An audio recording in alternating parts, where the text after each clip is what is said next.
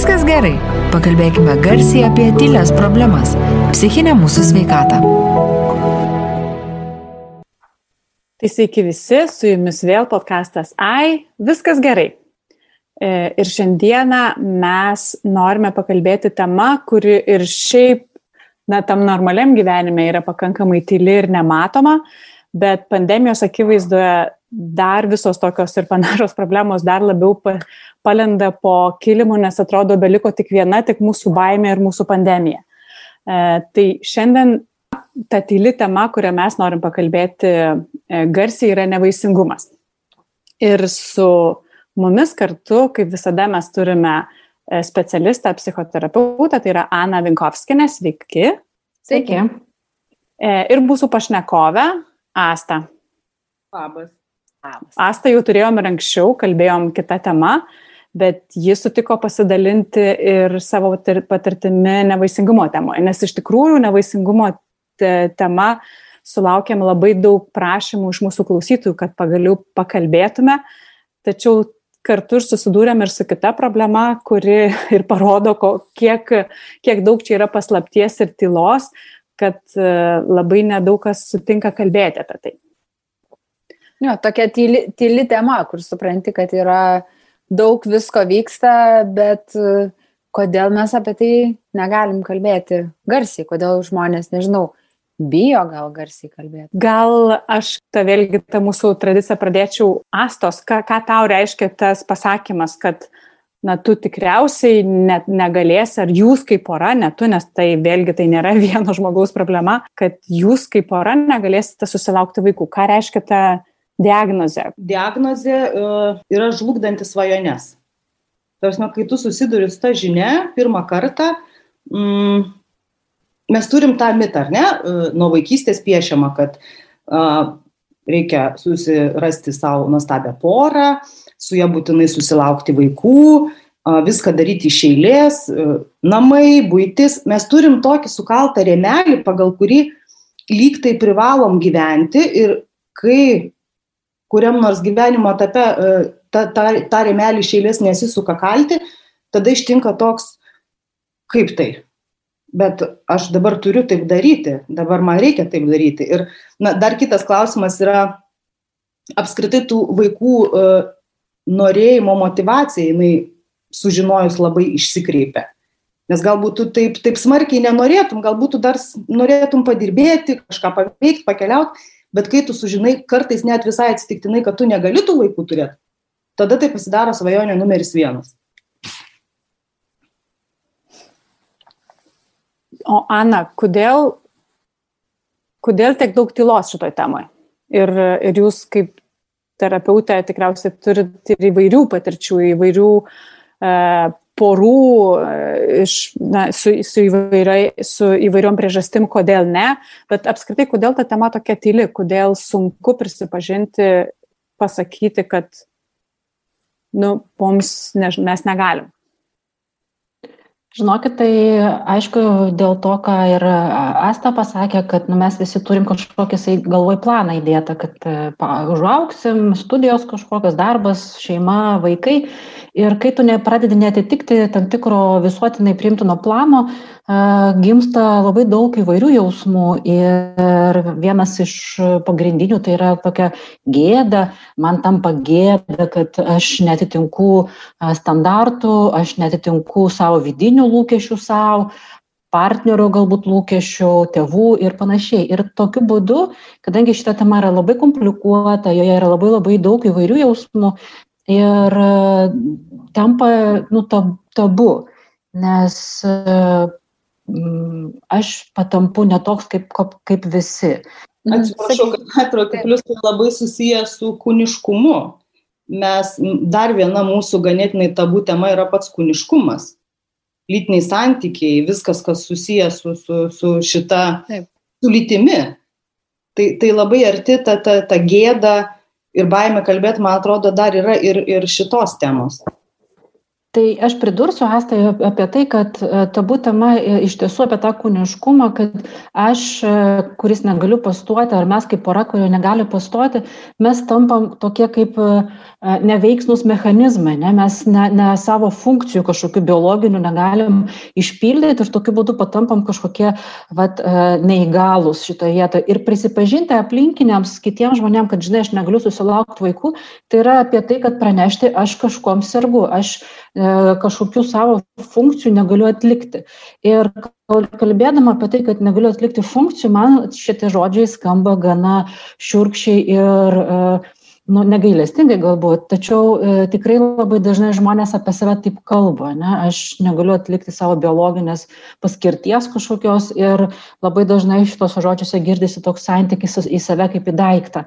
Ir šitoj vietoj būtent e, reikalinga tikrai nemaža psichologinė pagalba, kad e, tą, e, tą priimti. Ir kaip jūs asas paklausėt, kaip priimti diagnozę, tai kai kurie žmonės susidūrė su šitą temą, net pačio žodžio nevaisingumas priimti negali. Aš susiduriu su porom ar atskirai žmonėmis, kurie sako, mes turime problemytę, tas reikalas ir panašiai. Ir pačiam įgarsinti aš esu nevaisingas ar nevaisinga, ar mes negalim susilaukti vaikų, net pats tas pasakymas savo yra gana sudėtingas, jau nekalbant apie tai, kad išeiti išorėje ir kalbėti apie tai garsiai kitiems žmonėms. Jo lab, kad aš galvoju, kad nu, tikrai reikia filtruoti, kam sakai ir kokiu tikslu sakai. Ne, ne visiemgi mes turim skelbtis apie savo kažkokias uh, kūniškas ar psichinės problemas ar temas. Todėl dar galbūt apie tai daugiau pakalbėsim, bet tai yra tikrai svarbu, kiek aš savo pats galiu pripažinti, o kiek, kiek kam kitiems. O gali būti, kad žmonės, pavyzdžiui, nedrįsta apie tai kalbėti, nes jie bijo susila sulaukti gailėščio? Na, kaip aš ne, nežinau, tarkim, ateina pas draugę ir pasako, kad mes negalime turėti vaikų Ir e, dauguma turbūt, aš neįsivaizduoju pati tikrai, bet kaip dauguma turbūt gal reaguoja, nu, tokį, toks tarsi kyla gailesti žmogui, bet gal tada žmogus dar silp, nežinau, silpnesnis, dar mažesnis pasijunta, kada jo gaila. Čia gal asta labiau galėtų atsakyti. E, man, mano tokia va, pirma galvoja reakcija, kad vis dėlto tai negailestis, o gėda yra pagrindinis jausmas. Atrodytų bet gėdytis, bet, bet o, nes gaila pačiam savęs jau yra labai labai smarkiai šitoj situacijoj savo šeimos labai gaila labai gaila kad tu nesupranti kaip toliau išvis gyvent ir kaip planuot m, savo gyvenimą bet prisipažint tai pirmas jausmas yra gėda man gėda pasakyt kad man taip yra Aš dar sakyčiau, kad poros tikrai uh, prie gėdos yra toks jausmas, kad manęs nesupras. Uh, ir uh, pradės eiti visokiausi sąmoningi ar ne, nesąmoningi patarimai iš aplinkos, tokie kaip tu atsipalaiduok, jums reikia išvažiuoti, pasimiršk, užsimiršk, persijunk į kitą temą. Ir poros, kurios nu, ne, ne metai ir ne du bando pastoti, tie patarimai tampa nu, taip, kaip alerginė reakcija juos jau ateina. Ir kas iš tų patarimų, tai labiau tai žaidžia ir poros tada linkusios tikrai eiti į kažkam tikrą izolaciją ir nesidalinti šito klausimo. Jo lab, kad ir mano patirtis rodo, kad kai kurie žmonės nu, net nežino, ką daryti su šitą informaciją. Mes negalim postot. Ir tokia pauzė nejauki, o tai tada nei ką pašnekovai gali tau padėti, apartų visokiausių patarimų, nei, nei o kaip toliau vystyti šitą temą. Ir tokia, toks nejaukumas ateina ir tada nu, tu supranti, kad dažnai būna ir ne vieta šitam pokalbiui su, su pažįstamais ir draugais ir, nu, aplink gėdos yra vis daug tokių kitų jausmų ir, ir, ir izolacija, ir nenoras apie tai pranešti ir taip toliau. Ir aš suprantu, kad mes galbūt prašoksim dabar kelis etapus, bet kadangi ir, ir, ir Asta ir Ana paminėjo, kad reakcijas kitų žmonių, o tai kaip yra, kaip yra gerai reaguoti į tai ir nu, kas, kaip vat, e, e, vėlgi tiems artimiesiems, ką, kaip tęsti tą pokalbį? Ar... Gal čia galiu, galiu, galiu pradėti šitą klausimą. Iš tiesų tai mes, mes nemokam reaguoti labai daug sudėtingų situacijų šiaip. Nesam pakankamai išprusę, kad žinotumėm, kaip reaguoti. Tai čia yra viena iš tų daugybės sudėtingų situacijų. O man atrodo paprasčiausias atsakymas, kad reikia būti kartu.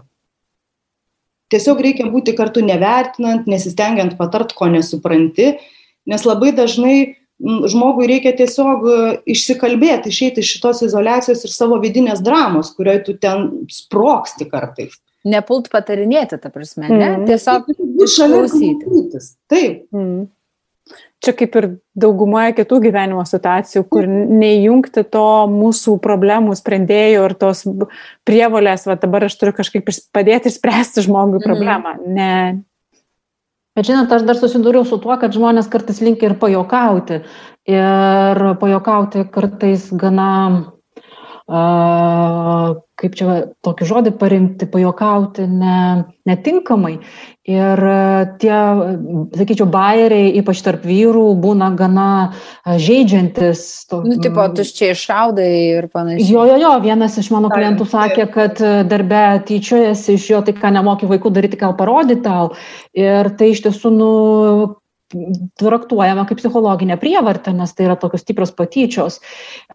Kiti sako, nu tai, tai ką gandrų nepagauna, tai ir panašiai. Ir vienai mano klientai gydytoja pajokavo, tai susiras kitą vyrą, tai su juo bus lengviau susilaukti vaikų. Ir tai visiškai nėra nei jokinga, nei adekvatu tam tikroje šitoje situacijoje. Ir tikrai taip, tie patarimai, jie vietoj to, kad pasakytum, o klausyk, o kaip aš tau, ar aš tau galiu kaip nors padėti, o kaip tu jautiesi šitoje situacijoje, ar reikalinga mano kažkokia pagalba. Aš noriu būti su tavim ir galiu tau padėti, tu man tik pasakyk. Įvairūs, įvairūs palaikantis žodžiai tinka, ir tikrai nereikia kišti visokiausių patarimų, kokiu žoleliu reikia gerti, kokioje bažnyčioje melstis ir koks gydytojas kam kur padėjo. E, teko girdėti, kad praktiškai kiekviena pora, e, jeigu tik tai išeina iš e, šešėlio ir prisipažįsta, kad jie negali pastoti, tai jie sulaukia tų patarimų, tu eik pas šitą gydytoją, nes mm. šitą gydytoją mano pažįstama pastoja pas šitą gydytoją. Tai aš pastovę atsakinėjau, kad kiekvienas gydytojas dirbantis nevaisingumo srityje, jisai turi sėkmingų atvejų ir tu gali laksyti per visą Vilnių, visą Lietuvą ir net toliau už, už Lietuvos ribų iš, išeiti ir ieškoti to vienintelio gydytojo gydytoją, kuris tau pagelbės. Tai patarimų tikrai uh, geri patarimai yra geri, vertingi, tačiau reikia paklausti, ar aš tau kažko galiu padėti, ar tau reikia mano patarimo, mano mhm. nuomonės, ko tau iš manęs reikia, aš, aš, aš noriu tau padėti, o ne iš karto sakyti, žinai, nu, tu tam pasimelsk lišną kartą arba dėlių terapiją ar dar kaip nors. E, jūs paminėjote vyrus ir aš vat, kažkaip vis galvoju, kad labai dažnai kalbant nevaisingumo tema, mes daugiau liečiame moterį, moterį Taip. kaip mamą, e, daugiau vis tiek, kiek, to, kiek minimaliai yra apie tai kalbama, bet e, toje kalboje vis tiek daugiau yra kalbama galbūt apie moterį. Kokia yra vyro situacija? Juk vyrai turbūt ne ką mažiau išgyvena. Iš tiesų, vyrų ir moterų situacija šitoje vietoje šiek tiek skiriasi ir labai labai panaši. E, kas yra šiek liūdna, kad kol kas e, mūsų laikais vis tiek e, nevaisingumo temoje pacientų laikoma moteris Jau, jau šitais mūsų jau keletą metų jau keičiasi šitą situaciją, bet vis tiek kol kas yra pacientas moteris. Ir aišku, tai yra natūralu, nes moters kūne turi įvykti pastojimas Taip. ir tam tikras e, nemažas gydimo, gydimo nemaža dalis praeina būtent moters e, kūne ir vaistai, ir injekcijos, ir visokiausios operacijos yra moters e, dalis. Ir tas yra suprantama iš kitos pusės gaunasi, kad poroje e, moteris e, gali likti tokioj vienatviai. Ir iš psichologinės pusės kalbant, tai yra nemaža problema, kadangi uh, vyrai laikosi šiek tiek, nu, nežinau, nuo šaly ir jie gali nuvažiuoti su moterim savo pas gydytoją, jeigu moteris sako, nuvažiuok su manim. Ir man teko nedaug porų matyti, kurioje, kuriuose vyras iškart sako, aš su tavim važiuoju, mes su tavim kartu šitoj valtyje esam. Dažniausiai ir moteris priima tokią poziciją, kad, nu, žinai, ko tu ten važiuosi, man tik kraujo paims tyrimams, man tik echoskopiją pasidarys, tai, tai padarys, tai ko tu ten važiuosi, nevažiuok. Ir tada mes tuos vyrus kažkaip iš šono, iš šono ir paliekam. Ir čia yra tokie keletą niuansų apie, apie vyrų uh, savijautą. Uh, moteris yra labiau ekspresyvios, moteris yra labiau uh, emocionalios ir kai mums ateina menstruacijos dienos, kai, kai nepavyksta kažkoks eilinis tyrimo etapas, mes galim verkti, mes galim isterikuoti, mes galim savo emocijas kažkaip e, į išorę e, išmesti, išvemti, sakyčiau, ir mums palengvėja. Vyrai tuo tarpu, jie yra kaip sugertukai, jie kaip kempinės, kurios arba kai kuriuose literatūrose e, jie pavadinami kaip žaibolaidžiai, kurie tas mūsų isterijas ir ašaras pagaudo, sugeria. Ir vyrai priema tokią savo poziciją, kad moteriai, mano moteriai reikia padėti, reikia jai padėti atlaikyti šitas emocijas. Ir e, jie taip emociškai apgaubia ir būna, stengiasi būti ramus ir stengiasi sakyti, viskas bus gerai, tai turėsime su vaikų ramiai bet jiemgi patiems irgi skauda. E, ir Taip, jie, ką aš girdžiu, jie patys susiduria su tuo, kad jie yra nevaisingi. Taip, čia, čia net, nu, e, vyrų nevaisingumas tai dar šiek tiek kitoks, kitoks, kitokio potėme, aš dar paminėsiu apie tai, bet bendrai mes su tavim negalim pastoti, aš vyras ir e, aš prisijimu vaidmenį, kad aš turiu, turiu tave nuraminti, aš turiu tave palaikyti ir savo jausmus nustumiu į šoną. Ir kartais moteriam trūksta iš vyrų tų emocijų. Ar tau rūpi, klausia moteris. Kodėl tu toks šaltas, ar tau rūpi? Ir vyrai tada susiduria dar tokia su tokia ambivalencija. Tai palauk, aš turiu jai padėti, turiu ją apraminti, bet iš kitos pusės aš ir ne, neturiu rodyti savo emocijų ir jausmų. Iš kitos pusės jinai reikalauja, kad aš parodyčiau emocijas ir jausmus. Ir tada tie vargšai vyrai nežino, kaip elgtis kai, kai moteris verkia. Ir man vienas toks e, pažįstamas, kurie su mm, žmona negalėjo pastoti keletą metų, sakė, Ana, tu neįsivaizduoji, girdžiu, kad jinai tualetą verkia dėl to, kad mėnesinės atėjo ir aš nežinau, ką daryti. Ir aš noriu pult jai padėti, iš kitos pusės jinai sako, ne, nelysk. Ir, ir tada ir sako, aš, aš jaučiuosi labai bejėgis, o vyram bejėgiškumo jausmas yra žiaurus. O kaip tada, vat, ką Ana tada palėtėjai, nes mes jau apšnek, e, palėtėm tą, tą elementą, kaip artimieji galėtų padėti, ne, draugai. Mm -hmm. Kaip pora vienas kitam gali padėti, kokios pagalbos vienas iš kito tikimės mes, jeigu po, poroje čia atsidūrė. Čia gal ir Asta gali pasakyti iš savo tiesiog patirties, kaip, kaip taip. Buvo. Čia labai sudėtingas klausimas. Tikrai. E, man atrodo, čia taip e, jautriai ir specifiškai turi pažinoti žmogų, ir į jį kreipti dėmesį ir, ir gaudyti šitas nuotaikas ir emocijas. Ir, ir čia iš tikrųjų gal vis dėlto labiau klausimas e, psichoterapeutė, o ne man, nes aš mm. lygiai taip pat atsakymo tokio visiškai teisingo nežinau, nes e, būna nevaisingumas trumpesnio laiko, būna ilgesnio ir, ir, ir kai negali pastoti metų metais, tai dar kita problematika prasideda jau ir, ir poros santykiuose.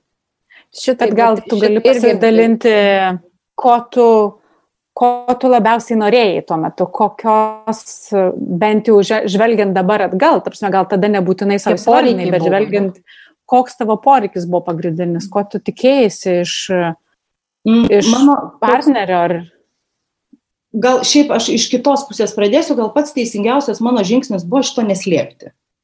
Aš buvau apsistačius tokia milžiniška palaikymo komanda, žinojo mano mhm. draugės, žinojo tėvai, visi žino, ir aš turėjau tokį m, didelį pagalbininkų, kaip pasakyti, ratą, kad aš, kad aš bet kada, bet kuriam paskambinus, aš galėjau pasidalinti ir aš gal nenutransliuodavau tiek daug namie už uždarų durų šitų, šitų emocijų. Bet taip, kalbėdavomės mes apie tai pakankamai nedaug. Ir, vat, ir, ir, ir Aš nežinau, ar, ar būtų padėję man, jeigu mes būtumėm kalbėję daugiau, bet vėlgi e, taip, tas vyro išėjimas į save buvo aktuali problema, kur vat, ban, kalbėsi ir nesupranti, kaip žmogus jaučiasi. Nes man atrodė, kad kaip aš jaučiuosi, jau aplinka žino, net žino, ko paklausti, žino maždaug, kuriam aš etape ir, ir, ir tie klausimai manęs nežaidžia, o vat iš vyro pusės jisai tiesiog laikėsi kaip vyras. Nes būtent tas, kaip, kaip Rana sakė, tas bėgiškumas vyro yra labai sun, sunku pripažinti, kad tu silpnas, kad, nu, va, Kad tu negali kažko šitoje situacijoje pakeisti. Mhm. Aš dar, žinokit, noriu pabrėžti tokį labai uh, svarbų klausimą. Nevaisingumas, negalėjimas postoti, jis atneša uh, tokį jausmą, kaip uh, aš prarandu savo gyvenimo kontrolę. Ir mums visiems kontrolės jausmas yra labai svarbus. Jisai duoda tokį saugumą, kad ir tam, tikrai, tam tikrą prasme tariamą saugumą, bet vis tiek saugumą. Ir kai aš planuoju vaikus ir dėl tam tikrų priežasčių, po tam tikro laiko negalim pastoti, aš prarandu kontrolės jausmą. Kaip taip aš nekontroliuoju savo gyvenimą. Aš turėjau planą ir dabar negaliu jo vykdyti.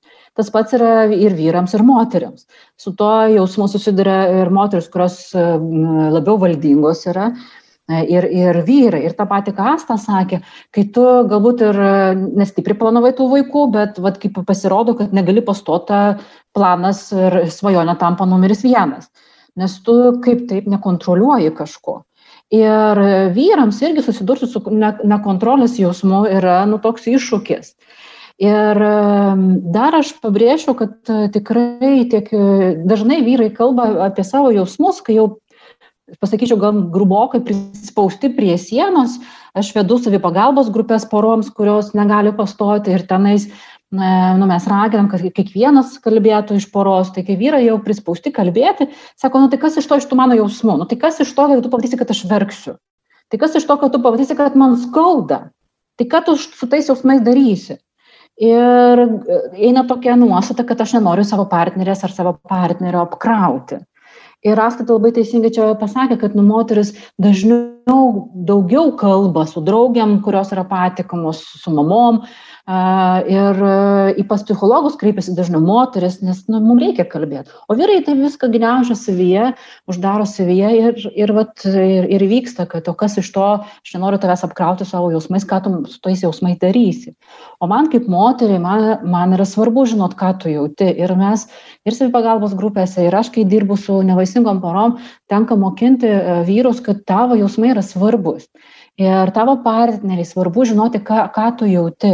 Nes tuomet, e, jeigu aš esu moteris, kuri negali pastoti ir mano vyras kalba apie tai, ką jisai jaučia, mes galime apie tai drąsiau kalbėti, ką aš jaučiu, ką tu jauti. Mes esam pora, pora mes esam toj pačioj valti, mes esam partneriai šitoje vietoje, o ne taip kiekvienas kapsuliai su savo skausmu, su savo, su savo jausmais, kurių labai labai daug yra. Ir tada gaunasi, kad mes esam poroje, bet vienatvėje. Ir kiekvienas savo, žinot, būna toks skausmo uh, jausmas, kuris vat, kaip akmuo kažkur ant krūtinės guli. Ir tu kvepuoji, bet vis tiek tau lik taip skauda. Ir kai tu kalbi, kai tu netgi išsiverki kartu, tau, taip, tau palengvėja. Ir tie jausmai yra labai svarbus, kad jie būtų išsakyti. Ir kad tiek moterys nesijaustų vieniša, tiek vyras nesijaustų vienišas šitą, šitoj temai. Asta, kažką norėjai pridurti? Jo, gal aš taip svarstau, kad gal ne paskutiniai vietoj čia yra ir, ir, ir tas klasikinis stereotipas, kad e, vyrai jaučia mažiau. Mhm. Kas yra visiškai netiesa, bet, na, ir patys vyrai galvoja, kad jie kaip ir turėtų jausti mažiau. E, ir, ir, ir aplinka galvoja, kad vyras jaučia mažiau, gal kartais ir moteris galvoja, kad vyras jaučia mažiau ir jis įspaustas į tokį kampą tų mažų jausmų, kurių, kur, kur jis na, negali jų niekaip ištransliuoti, nes nieks jų nepriims.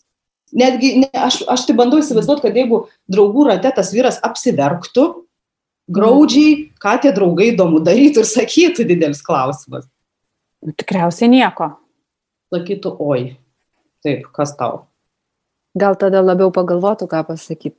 Žinai, kartais tie bairiai tokie labai nevykę ir tokie gana skaudus, labai, aš tikiu, kad dažnai būna iš to, kai tu nežinai, ką pasakyti. Ir jie než, nežino, ką pasakyti ir tada galbūt bando per humorą pasižiūrėti ir pasijuokti iš tos situacijos, nepagalvodami apie tai, kad iš tikrųjų tai gali dar labiau įskaudinti tą žmogų. Tai gali sužlugdyti. Šitie bairiai yra žlugdyti. Visiškai. Mm. Nu, čia tas pats kaip tas klausimas, žinai, poroms, kurios ten, nežinau, susitokia ir gyvena ilgai ir, ir visi, žinai, nu tai kada jau čia vaikelis, nu tai jau kada jau čia, nu jau kažkaip jau čia labai ilgai to vaikelio. Tas klausimas iš vis yra netinkamas. Dabar, nu. koks kieno reikalas, kada tas vaikelis, gal aš neplanuoju vaikelių iš viso niekada gyvenime ir dabar turi pasiteisinti kiekvienam, kuris klausia, nes va štai mes turim šitą šitą planą. Modelį. Taip. Taip. O Ana, aš dar norėjau paklausti, dabar ką mes kalbam, aš girdėjau pradžioje buvo tas netinkamumo ar nepakankamumo jausmas tema, ne, kuris susijusio nevaisingumu, dabar palėtėm vienišumo, vienišumo temą, kad partneriai vienas kitam negali e, atsiverti, bet kartu lieka labai vieniši su savo, su savo skausmu. Kokios dar yra temos sukasi aplink vat, nevaisingumo temą, jausmai, Aha, aš dar galbūt ir prie vyrų šiek tiek grįšiu, bet kartu ir jūsų dabar atsak, e, klausimą atsakyčiau. E, dar e, ir Rasta šiek tiek apie tai minėjau, kad nevaisingumas labai paliečia moteriškumo, vyriškumo temą. Ir jeigu nevaisingumo priežastis, biologinė priežastis yra vyro sveikatoje, vyrui labai nevaisingumo tema tampa dar sunkesnė negu moteriai, ne? nes tai labai stipriai muša per vyriškumo temą. Ir kalbėti apie tai vėlgi garsiai yra sudėtinga. Nu, tu, kiek reikia turėti tokios vidinės drąsos ir ramybės, kad tu galėtum apie tai kalbėti, kad aš, mm. mano sperma yra nepakankama, kad aš galėčiau apvaisinti savo moterį. Ne? Tai nu, reikia labai būti tokiu tvirtų įsitikinusiu savo uh, kitom gerom savybėm, kad uh, tai nenumuštų tavo savivertės. Kitas dalykas - moteriškumas ir dabar labai dažnai moteriškumas painiojamas su motiniškumu, kad tikra moteris ta, kuri patyrė motinystę. Ir aš kategoriškai su to nesutinku ir gana dažnai man tenka e, parodyti ir, ir kartu išdiskutuoti su, su moterim, o kas yra motinystė ir kas yra moteriškumas ir kad moteris atrastų savo moteriškumą. Labai suprantama, kad kai aš negaliu pagimdyti biologinio vaiko, negaliu patirti biologinės motinystės, kad tai kerta per mano moteriškumą. Būtent dėl to, kad mes dažnai tas savokas ir painiom, ir tapatinam. Ir ar pilnavertė moteris gali būti ta, kuri ne, ne, nepagimdo vaikų? Aš tai kategoriškai sakau, kad taip, gali ir turi būti. Ne? Tai pagimdymas ar ne, tai yra visų pirma pasirinkimas, kaip ir Asta sako, pasirinkimas. Bet e, iš kitos pusės tai yra ir nu, viena iš funkcijų, kuri gali būti biologijos mūsų gamtos įdėta. Tai e, atrasti, kas yra mano moteriškumas, labai svarbu. Ir šitoje vietoje tikrai yra tokia mišrainė visokiausių painiavų. Dar, ką aš norėjau apie paminėti apie vyrus ir, ir moteris, dar šiek tiek tokį skirtumą. Kai teko gilintis į literatūrą pasaulinę, kas yra e, dėl nevaisingumo psichologijos jau išnagrinėta, tai žinokit, tyrimų darytų apie tai, kaip jaučiasi moteris ir kiek tam procentų moterų jaučia depresiją ir panašiai šitoje temoje, yra bent jau tikrai e, anglų kalba ras, radau tai labai senų straipsnių, ir 60-ųjų metų, praeito amžiaus ir, ir vėlesnių, bet e, tyrimai apie tai, kaip jaučiasi vyrai, atsirado vos ne 20-ojo amžiaus tik pabaigoje. Tai atrodo, kad vaiko pas, pastojime, vaiko atsiradime turi dalyvauti ir vyras, ir moteris, mes tą suprantam. Bet kai mes kalbam apie tai, kad pora negali pastot, mes kažkaip išskiriam moterį su jos visom emocijom, su, su, su uh, visa paletė įvairių jausmų, o vyras lik toks ne prie ko, ne, taip šiek tiek padirbėjo ar nepadirbėjo ir vat jisai eik žmogau. Tai ir, ir kai tyrėjai atsisuko savo e, dėmesį į vyrus, tai pasirodo ir vyrams skauda, ir vyrams sunku šitoj temai, ir e, vyrai neturi tik būti įrašyti šalia moters kaip pagalbininkas kažkoks, ne, kuris, e, nežinau, e, va, tyrimuose dalyvauja ir kartais gali tyrimus, tyrimo atsakymus e, pasiimti. Tai Kita dalis, ką aš noriu dar pažymėti, kad moteriams yra lengviau darytis įvairiausius tyrimus, nes mes moteris, kurios norim pastoti, yra toks uh, idėja fix, aš turiu pastoti. Ne? Ir moteris labiau nei vyrai linkusios tapatinti savo tapatumą jausmą, savo aš su tuo, ar aš būsiu mama ar ne. Vyrai šiuo atveju, jie gali turėti daugiau gyvenimo prasmių, daugiau save kažkur uh, įprasminti ir sutapatinti save negu vien tik su tėvystė. Ir čia labai labai ženklus skirtumas. Ir jeigu vyrai sako savo partneriai, viskas gerai, pažiūrėk, mūsų gyvenimas ir be vaikų gali būti gražus, mes galim keliauti, mes galim daug ką patirti, ko negali patirti žmonės su vaikais, lik argumentas toks suprantamas, bet moteris ne, nu, nepripažįsta to. Ir gali palinksėti, kad taip, taip, bet vis tiek skauda jai, gali skaudėti labiau. Ir šitoje vietoje yra dar viena priežastis konfliktų porose, kad moteris gali apkaltinti vyrą, tau nerūpi, tu netaip nori kaip aš. Ir tai yra visiškai netiesa. Vyrui nereiškia, kad jam rūpi mažiau. Tiesiog jisai mato gyvenimo prasmių daugiau negu moteris. O moteris linkusios, ne visos, bet moteris linkusios gyvenimo prasme sėti su vaikų turėjimu. Ir jeigu aš negaliu pagimdyti vaiko, jeigu aš negaliu tapti mama, mano gyvenimo, gyvenimo prasme gali išnykti. Mano, mano gyvenimo gyvybės prasme gali išnykti pačios. Ir tai yra tikrai didelė tragedija, su kuria reikia dirbti dirbti ir kurią reikia atstatinėti, tai kokios dar tavo gyvenimo prasmes yra. Tai va čia prie tų jausmų dar, ką, ką jūs paklausėte, tai čia yra ir tas e, prie vienatės izolacijos yra tas ir um, siekis turėti savo pas, nu, tą rezultatą, ne, kad aš turiu pasiekti tikslą, aš turiu tapti mama. Ir tai dar, žinokit, e, yra e, įtaka mūsų vėl visuomenės, kuri labai skuba ir mes esam taip auklėmi kad e, daug pastangų įdėjus tų rezultatą pasieksi. Ne? Kaip mes sakom vaikams, nu tu pasistenk ir dar daugiau mhm. pasistenk ir, ir, ir, ir tau pavyks.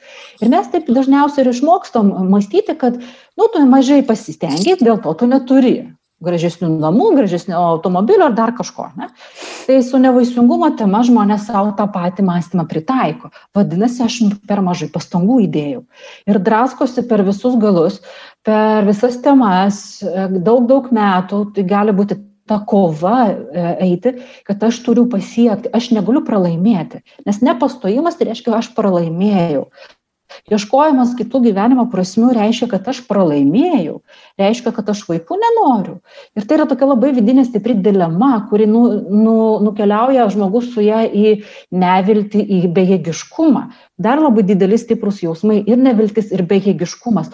Aš daug darau, daug darau, bet tai net, net neša pastangų, net neša rezultatų. Mhm. Ir, ir mano pastangos yra veltui. Ir po to ateina labai stiprus nuovargis ir baime galiausiai, kad aš galiu taip ir nesusilaukti vaikų. Tai... Asta, mhm. o tu, Asta, turi ką nors dar pridėti prie viso to, tiesiog kaip apie, apie savo jausmus ir, ir tu labai drąsiai ir tu labai daug pradėjai apie tai kalbėti. Aš net nebejoju, kad tavo tas visas kalbėjimas padrasino ne vieną moterį ir ne vieną porą, kurie susiduria su tuo. Tai dėl to tiesiog, vat, nežinau, kodėl galbūt tau, tau pačiai norėjosi apie tai garsiai kalbėti ir ką tu savyje nugalėjai, kad tu nebeturėjai tos baimės ir nebeturėjai to noro slėpti savo nevaisingumo. Dabar tu pati džiaugiesi trim vaikais ir tai yra irgi na, nuostabus dalykas. Tiesą sakant, aš tokios baimės neturėjau pati savo e, niekada, slėptis, labai norėjosi, labai norėjosi pažinti tą problemą iš visų kampų. Ir dabar beklausant Anos man verda ir, ir, ir pyktis, ir, ir tokia neviltis dėl, dėl moteriai primetamų stereotipų, kad tu privalai pagimdyti. Nori, neno, net nebeaišku, ar tu nori, bet, bet tu privalai. Patys baisiausi, man atrodo, du klausimai moteriai mūsų visuomeniai, tarkim, kokių 45 metų, ar tu esi ištekėjus ir ar tu turi vaikų.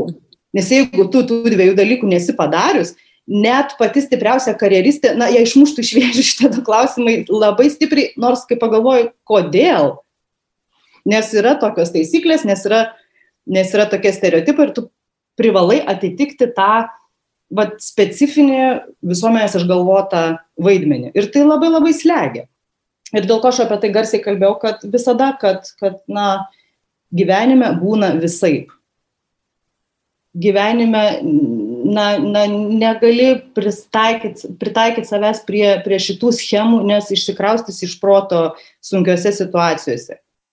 Privalai žiūrėti savęs, privalai atrasti savo, savo, savo kažkokį specifinį identitetą ir, ir tą patį nevaisingumą m, mm, įvilgti, na, atpažint iš tikrųjų, kame tu esi, ko tu nori, kiek tu gali uh, savo leisti eiti šituo keliu, nes jis yra žiauriai sudėtingas, kad tu galėtum pats apsispręsti, kada galbūt tu nori sustoti ar padaryti pertrauką, o ne iš vato įsivažiuoji ant bėgių ir varai negalvodamas, nors esi prie, prie ten kažkokių iš tikrųjų rimtų psichinių sutrikimų ribos. Tai dėl to apie tai reikia garsiai kalbėti, kad na, na, kiekvienas žmogus įsivertintų pats, kad bendrautų su, su, su, savo, su savo artimuoju, kad garsiai bendrautų su draugais, kad būtų lengviau objektyviai nutart, kaip man pačiam yra geriausia, kokie pasirinkimai man pačiam yra patys teisingiausi. O tau vat, pačiai, aš suprantu, kad tai nėra vieną rytą atsikeli ir staiga esi nušvitęs ir tai nėra tokia problema, kokia buvo iki tol, bet vis tiek gal yra, buvo kaž, kažkoksai tai kelias, kuris padėjo tau priimti situaciją, kokia jinai yra. Ar tavo nusiraminimas atėjo tada, kai susilaukiai vaikų? Tiesą sakant, mano nusiraminimas atėjo tada, kai aš susitaikiau, kad aš galiu jų neturėti. Tarsi, gerai, aš paukojau daug nervų, daug pinigų, daug laiko, aš paukojau savo jaunystės gražiausius keturis metus. Aha, tai o jeigu dar paukosiu dar 20, ar tikrai verta ir kai atėjo toks šaltas įsivertinimas, ar tikrai labai labai skaudus tas įsivertinimas. Bet kai įsivertini savo ir pabandai įsivaizduoti nors kokius nors prisileisti kitus gyvenimo modelius, kad galbūt be to aš irgi, na, esu ne tik kaip moteris mama, aš turiu ir kitų talentų, pomėgių, e, gebėjimų ir galbūt galiu aš juos panaudoti, o nebūtinai čiučiuoti vaiką, nes tada jau būsiu tikra moteris arba tikras žmogus. Ir kai atėjo tas toks palengva prisipratinimas tos minties, kad gali būti visaip, galbūt man tiks visaip, tai tada, tada, tada ir pastojau.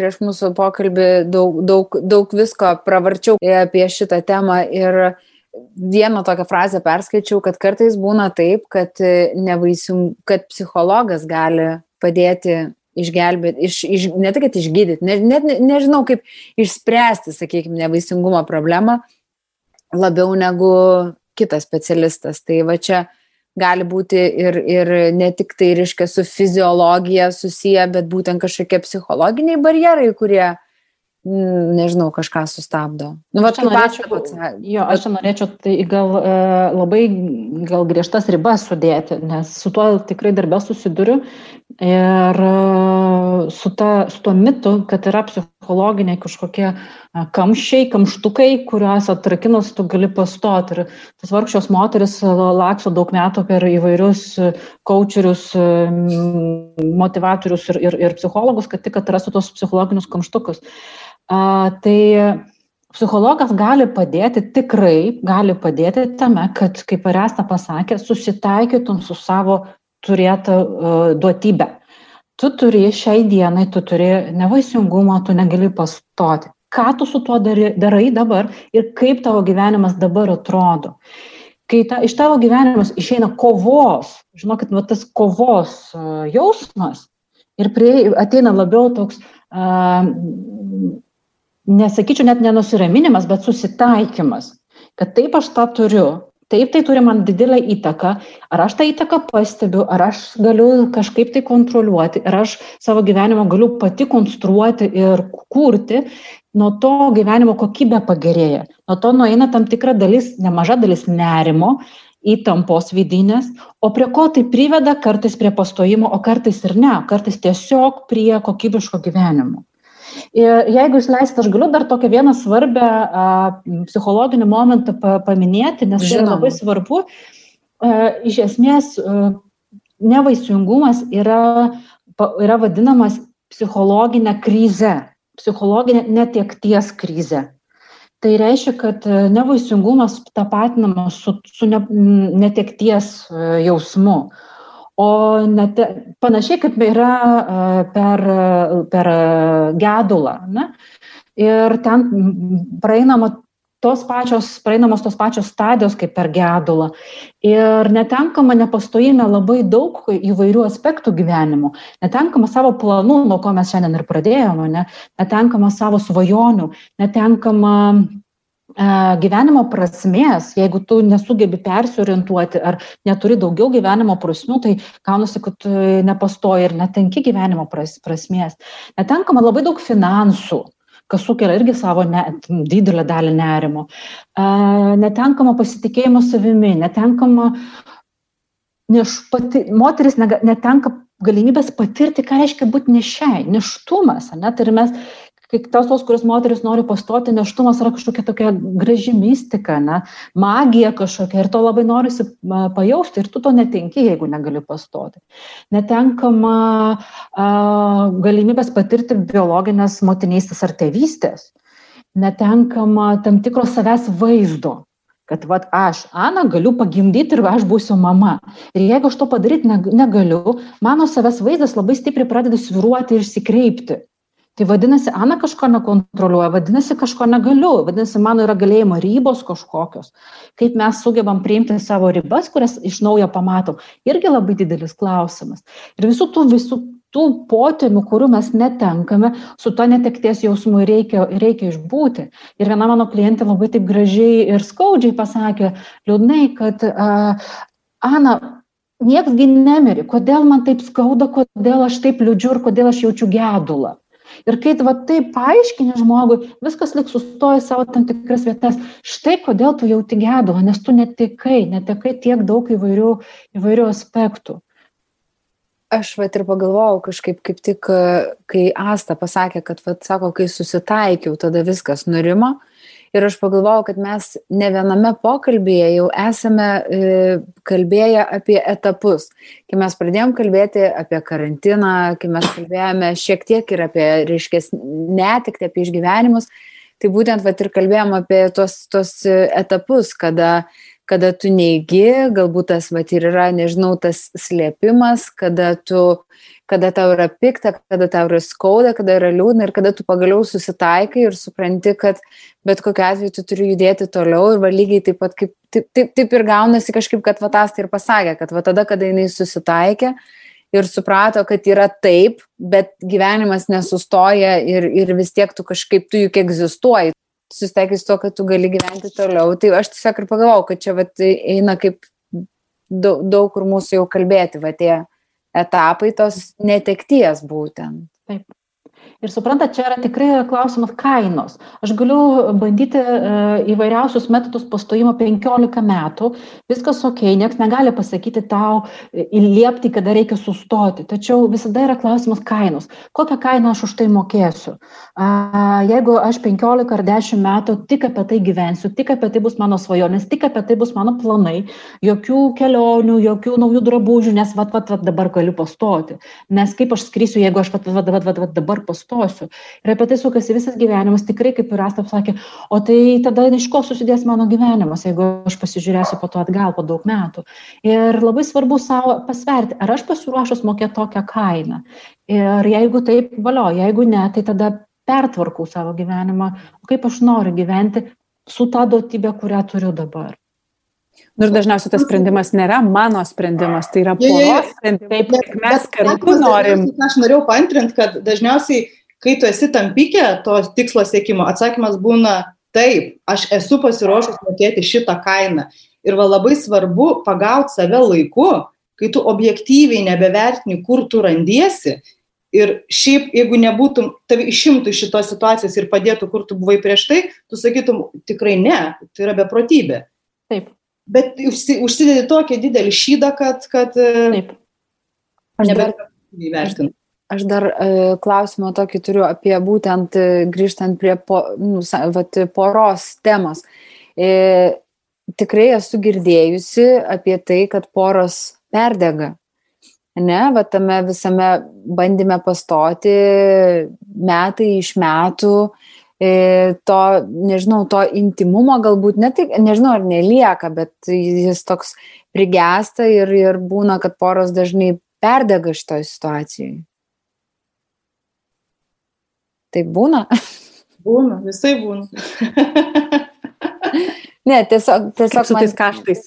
Ne, tai tada nežinau, ką, ką, ką mm. daryti, kaip, kaip, kaip elgtis galbūt tokioje situacijoje, kaip bandyti dar tą, tada, nežinau, degimą ir perdegimą kažkaip gal įmanoma gesinti jį, turbūt pas jūs poros ateina ir su, su, su tokiais klausimais.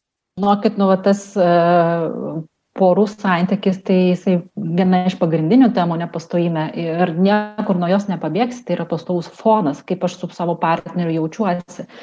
Ir e, toks įdomus faktas, kurį pastebėjo mokslininkai ir e, kai aš pradedu apie tai kalbėti su savo porom, su kuriuom dirbu, tai tikrai tas pastebima, kad vyrai e, dažniau vyrai greičiau prieina išvados, kad mums reikia sustoti su gydimu, mes turim kažkaip ieškoti kitų gyvenimo krypčių negu moteris. Ir tai viet, dėl tų visų priežasčių, kur aš prieš tai kalbėjau, kad mm. vyrai daugiau tų prasmių mato. E, ir moteris, jeigu nepasiruošus girdėti savo vyro, negali vėlgi jį apkaltinti, o vyrai ne visada išdrįsta pasakyti garsiai savo šitą jausmą, kad, žinai, man atrodo, kad mes turim bent jau pertrauką pasidaryti šitoj temoje, nepastojimo arba bandymo pastoti temoje, nes mes esam jau perdegę.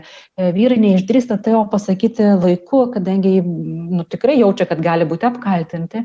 Ir vėlgi yra dramblys kambarė, apie kurį mes nešnekam. Ir kai aš kaip specialistas apie tai pradedu kalbėti, tai matau, kad vyrai lengviau atsidūsta. Uf, ne kažkas pradėjo apie tai kalbėti, nes tikrai moteris gali išalinti maksimaliai savo organizmą, bandant pastoti. Ir tikrai viena iš pagalbos būdų, vienas iš pagalbos būdų yra padaryti pertrauką. Nes e, viso laikotarpio, ar tai būtų metai, ar tai būtų du, ar būtų dešimt metų, bandant pastoti, juk lytiniai santykiai, seksas yra pagal, praktiškai pagal grafiką. Ne? Yra vaisingos dienos, yra tinkamos geros gleivės, yra kalendoriukas, yra gydytojai, kurie pažiūrėjo hoskopą, sako, žinai, folikulai paaugę reikia šiandien. Nori, nenori, patinka, nepatinka, reikia šiandien. Ir aš turėjau tokių gal uh, uh, pavyzdžių iš porų, kurie su humoru netgi kalbėjo, kai žiūri porą serialą ir sako, žinai, nu, šiandien tai mūsų ta diena, tai davai pauzę ant serialo, einam greituko ne, ir grįžtam prie serialo. Ir sakau, tai yra ir, ir su humoru ir kartu tai yra liūdna, nes e, lytiniai santykiai, seksas, kuri yra mūsų kaip vienybės jausmas, patampa darbu. Mes turim atidirbti, mes turim dirbti ir tai galima patirti tą mėnesį, du, tris, bet jeigu turi metai, kiekvieną mėnesį, dešimt metų, penki metai, sunku įsivaizduoti, ką reiškia porai išlaikyti, nu, jau nekalbu apie aistrą, kokią ten aistrą, ne? jau apie tai, kad bent jau lytiniai santykiai būtų abiem malonus, o nebūtų sunkus darbas, kur ir vėl jis, aš labai gal grubiai pasakysiu, ir vėl jis ant manęs lypa. Ne? E, tai, tai yra žodžiai tų moterių, kurios sako, aš nebegaliu jų, bet reikia, suprantat, ir tada tokias, tokia ambivalencija. Jeigu aš ne, neturėsiu lytinių santykių, nu, pastojimo tikimybė, na, nu, kaip sakant, ne? O bet bet ir noro jau nebėra. Ir tada tikrai porom yra tas patarimas, kad pakeisti aplinką, kažkur išvažiuoti, nes per atostogas mes tikrai jaučiamės labiau atsipalaidavę ir galbūt e, labiau pamirštam tuos grafikus, tas lenteles ir e, tas dienas visokiausias. Bet moteris sugeba dabar ir savo atostogas planuoti pagal vaisingas dienas. Tai čia dar kalbam apie vis dar tą užburtą ratą, iš kurio labai sunku išeiti. Tai pagalba porai šito vietoje yra kalbėjimas vėlgi apie tai, kad, žinai, aš nebenoriu, gal mes šį mėnesį praleiskim, gal pabūkim laisvai, spontaniškai, pabūkim tiesiog, kad būtų be to darbo, kurį ant savęs jau prisėmėm kaip, kaip atsakomybę, e, kad reikia. Kai kurios moteris, nežinokit, per pietų pertrauką vyrų sugeba iškviesti, nes šiandien yra vaisinga diena ir, žinokit, laikas laikas. Huh. kartais, o kai... Bet kartais gydytojas pasako valandą. Taip, taip. Turėtum tai atlikti. Taip, tai... taip, taip. taip. Nu, taip, tai iš tikrųjų svarbiausia yra šitose situacijose turbūt kalbėtis ir neužsiciklinti, ar ne? Nu, toks, nežinau, taip Du sunkiausi darbai, realiai. Nu, taip. jo, bet, bet man tas ir yra, e, kad aišku, niekada nėra tų tokių paprastų atsakymų, link kurių mes visą laiką bandom prispausti mūsų pašnekovas, bet, bet Ana, iš jūsų patirties, kokie kokie argumentai moteriams, nes aš kaip kiek girdžiu, kad moteris yra tos, kurioms sunkiau atsisakyti tos svajonės, padeda iš tikrųjų susitaikyti su tą mintim, kas iš tikrųjų gali padėti, nes pasakymas, kad nu, gyvenimas, žiūrėk, gražus ir yra 35 kiti dalykai, nu, tuo atveju, kai tu matai tik tai siaurą tunelį prieš save, nu, tikrai nepadeda. Ta prasme, tai tikrai ne, ne tie žodžiai, kas padeda tada tuo metu. Ar tik tai, nežinau, išsiskirimas ir supratimas, kad jau dabar visai ir Nu, ir partnerio neturi, ne tik tai, kad vaikų, bet ir partnerio. Žinokit, nebėra. Aš mėgstu užduoti, aš ir savo kažkada tai uždaviau šitą klausimą, aš mėgstu užduoti dabar ir klientams šitą klausimą visų pirma, o kodėl tu nori vaiko? Kokia, nu, mes gana retai užduodam klausimą ir tie žmonės, kurie lengvai pastoja, irgi retai užduoda savo klausimą, kodėl tu nori vaiko? A, ir čia žinau, kad visas spektras visokiausių atsakymų būna. Ar dėl to, kad taip reikia, taip įprasta, o kaipgi tik kitaip be vaikų. A, nuo to, kad atsakymų vis dar pasitaiko, kad uh, senatvė bus smagiau, šventės bus fainesnės. Ne? Ir mane labai stipriai liūdina, bet aš suprantu tą atsakymą, kai gaunu iš žmonių, kad taip mano gyvenimo, kitaip gyvenimo prasme e, dinksta. Ir ant tų dar negimusių vaikų petukų gulasi labai didelis e, krūvis e, įteikti, pateikti mamai ir tėčiui, atnešti prasme į gyvenimą. Ne? Ir kai tu užduodi klausimą, kodėl tu nori vaiko, tu gauni galbūt, kai pamastai apie tai, gauni atsakymą, kad aš noriu patirti mamystę, aš noriu patirti tėvystę, tai tada yra klausimas, o kokie dar yra būdai. Galbūt įvaikinimas gali tau padėti, jums kaip porai padėti patirti tos jausmus, kaip aš noriu kažkam padėti šitam gyvenimui, aš noriu matyti, kaip auga žmogus, aš noriu kažkaip padėti tam mažam žmogui patirti pasaulį. Aš noriu dalyvauti jo gyvenimo kaip, kaip pagalbininkas ir stebėtojas. Taip? Ir tada aš galiu tai padaryti nu, kitais, kitais kažkokiais būdais. Dar mm, apie tą susitaikymą, tai nėra tai, kad aš susitaikiau, tai reiškia, kad aš nebenoriu vaikų. Susitaikymas yra apie tai, kad prieimimas į gyvenimą faktą, kad taip aš negaliu pastoti šiandien. Ir kokiais būdais aš bandau pastoti, kokią kainą man, aš turiu sumokėti, kad aš bandyčiau pastoti.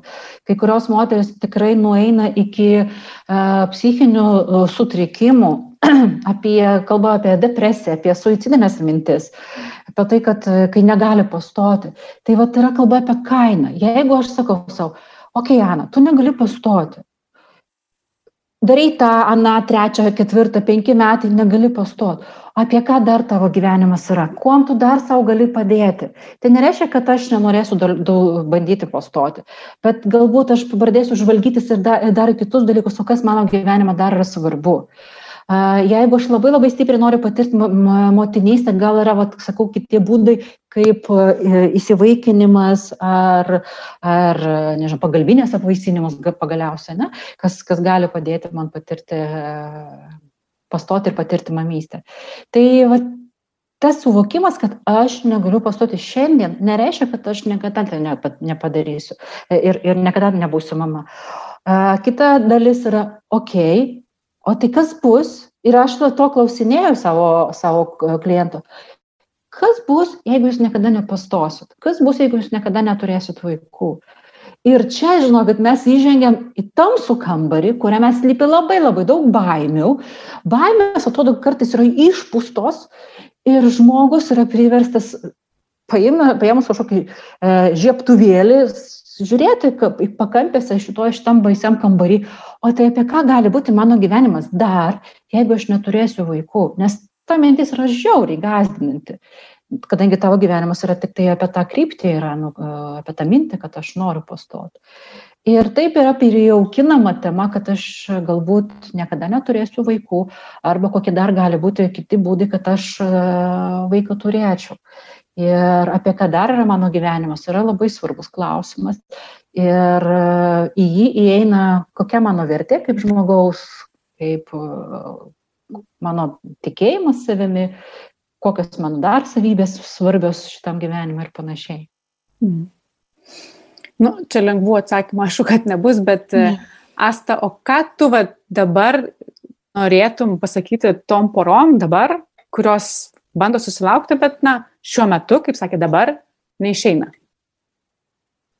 Labai sunkus tas būtų toks, ar, ar pasakymas ar palinkėjimas ir man atrodo toks siaurai apibrieštas būtų net neatsakingas iš mano pusės. Vienareikšmiškai daryk taip, taip, taip, o nedaryk va taip, taip ir kitaip.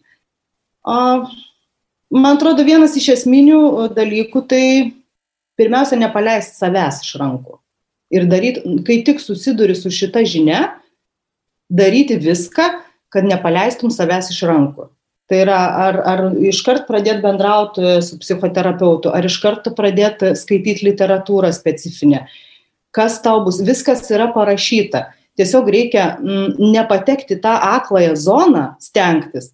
Ir iki to pasistengti būti su savim, save kontroliuoti ir klausytis ypatingai, ypatingai savęs. Nes aš buvau toj, toj tamsioje vadinamoje zonoje, aš puikiai žinau, kaip ten yra ir kaip sunku, kaip sunku iš to išsikapstyti ir kiek net susilaukus vaikų, kiek ilgai po to e, tos vadinamos pagirios tęsiasi.